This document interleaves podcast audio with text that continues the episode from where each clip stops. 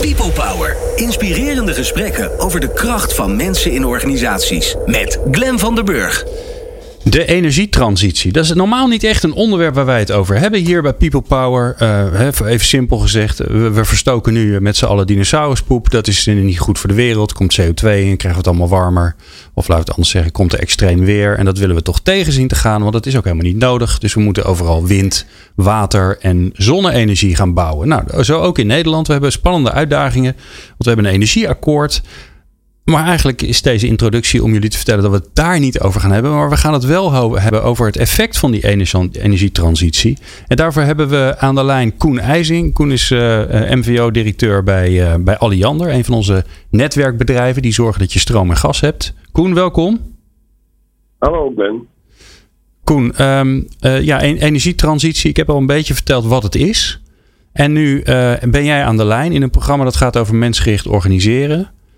En dat komt omdat de effecten van die energietransitie zijn dat we eigenlijk met z'n allen een probleem hebben. Hè? Ja, misschien dat. Uh, ik hoor wel een enorme echo, Glenn. Misschien kun je daar iets aan doen. Nou. Um, het probleem wat wij uh, momenteel ervaren en uh, wat sneller op ons afkomt dan we hadden verwacht, ehm, dat de energietransitie ook een enorme bak werk met zich meebrengt. En als je goed gaat kijken naar wie je nodig hebt, dan komen eigenlijk gewoon mensen tekort. En, eh, nou zou je denken dat is snel te op te lossen. Dat kun je ook wel snel en makkelijk oplossen met heel veel mensen zich maar uit exotische landen te halen. Maar we zoeken eigenlijk naar een manier om dat duurzaam op te lossen voor Nederland. Dan hebben we eigenlijk nog eh, niet een goed eh, antwoord op. Nee.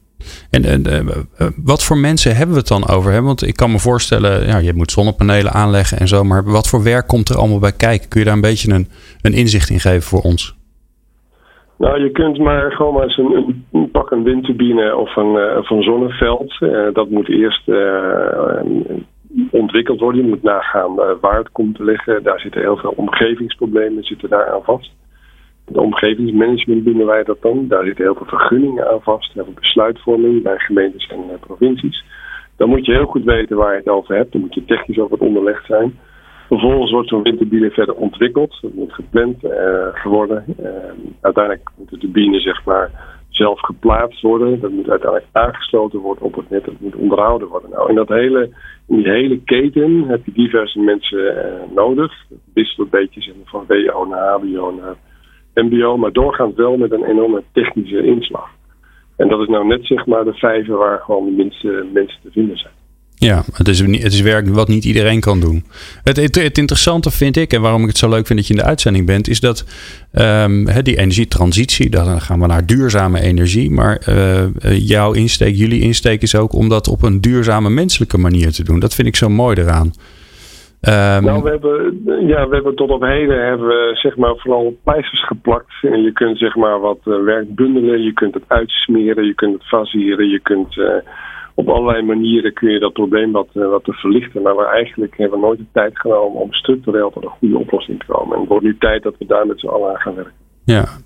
En, en structureel tot een oplossing hebben, wat, wat we natuurlijk kennen uit de, uit de groene duurzame wereld, dat zijn dat circulair denken. Hè? Dat, dat alles wat je maakt, eh, dat dat ook weer terugkomt. Hè? Dat je eigenlijk niks weggooit, een soort gesloten systeem. Moet ik dat dan ook voor me zien aan de menselijke kant?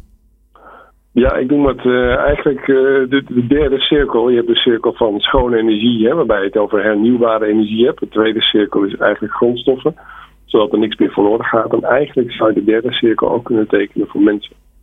En te zorgen dat je van werk naar werk komt, of dat er werk gegenereerd wordt waar talenten weer een plek kunnen krijgen. Uh, dat is inderdaad wat je zegt, de derde cirkel zorgen. Want we mensen voor dit vak en voor dit, deze discipline gaan kiezen. En dat we echt hun talent ook kunnen benutten. Ja. Of dat je inderdaad de grote sectoren waar banen gaan verdwijnen, dat je mensen weer kunt omscholen om juist op dit veld, waar heel veel groei te verwachten is, dat ze daar hun werk gaan zoeken.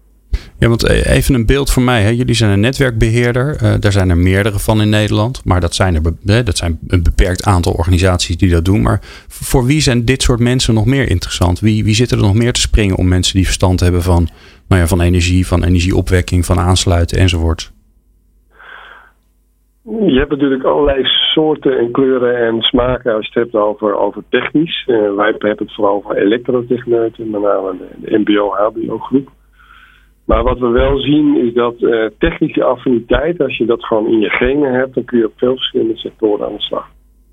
wij zitten nu in een coalitie met acht infrabedrijven. Dat gaat niet alleen over de energienetwerken, maar ook over de kabelnetwerken bij KPN. Dat gaat ook over de wegennetwerk bij Rijkswaterstaat en de spoornetwerken bij ProRail.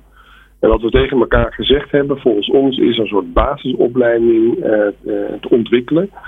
Uh, waarbij je alle elementen terugkrijgt. Uiteindelijk ga je specialiseren in een bepaalde richting. Maar die basisopleiding zou wel zo goed ingezet kunnen worden dat je in diverse sectoren kunt uitstromen.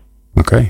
Dat is de gedachte. En daarom zitten we ook goed te kijken ook hoe we intensief kunnen gaan samenwerken. Zodat je uiteindelijk misschien zelfs kunt zeggen, als je in onze sector, in de infrasector, uh, je wil zelf wil laten opleiden en ontwikkelen, kunnen je wellicht zeg maar, in deze hele sector ook een betaalgarantie afgeven omdat daar acht verschillende organisaties achter zitten. Ja, en even, want het woord baangarantie, dan gaan er allerlei bellen af. Je zei daar wel wellicht voor. Hè? Dat, is een, dat is waar jullie mee spelen. Want wij, jij bent zo uh, dapper geweest om het over iets te hebben wat nog totaal in ontwikkeling is.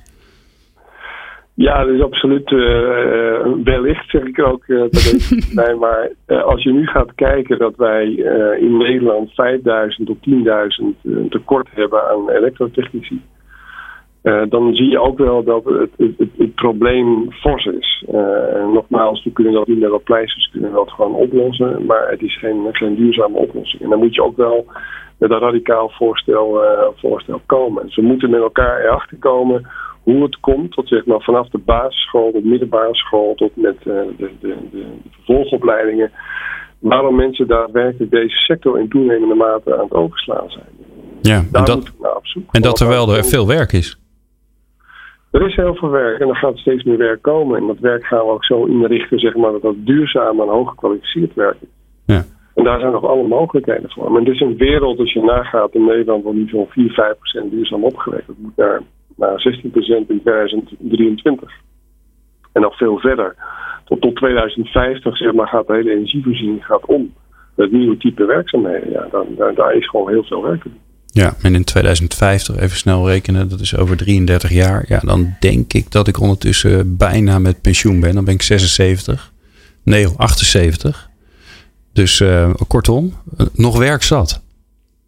Ja, werk zat in een, in een sector waarvan we allemaal weten van daar zit de groei. En uh, dat zie je eigenlijk in de hele energiesector over de hele wereld zie je dat gebeuren. Waarbij eigenlijk de fossiele wereld zich langzaam gaat terugtrekken. En dan zal ongetwijfeld afgebouwd worden. En zit een andere tak van sport van wind, zon, geothermie, waterkracht en dergelijke. Wat gewoon gaat groeien en zal moeten groeien de komende periode. En daar zie je ook het kapitaalmodel naar, uh, naartoe schuiven. Nou, 1 plus 1 is 2. Dat betekent ook gewoon dat op, daar, op dat vlak ondernemerschap gaat ontstaan. En dat daar gewoon heel veel werknemers nodig zijn. Ja. Nou, en die zijn er dus nog niet. Uh, ik zou het leuk vinden om een beetje in de buurt te blijven. Om ze nu dan eens even te bellen hoe, uh, hoe dit enorme vraagstuk, uh, hoe je daarmee ja, aan het varen bent en wat voor ideeën er ontstaan. Nou, daarbij ook een oproep om alle specialisten die hier daadwerkelijk echt iets zinnigs over kunnen gaan zeggen, die ervaring mee hebben, ook op uh, ons op te zoeken om uh, mee te helpen aan, aan, dat, aan die duurzame oplossingen. Ja, en dan nogmaals, hè, niet, uh, niet als je een idee hebt voor een nieuw zonnepaneel, maar vooral als je een idee hebt hoe, je, hoe, we, hoe we meer mensen naar deze sector gaan trekken, die we, Absoluut. Die we duurzaam gaan opleiden. Klopt. Dankjewel, Koen IJzing van Alliander. En ja, wij spreken elkaar weer.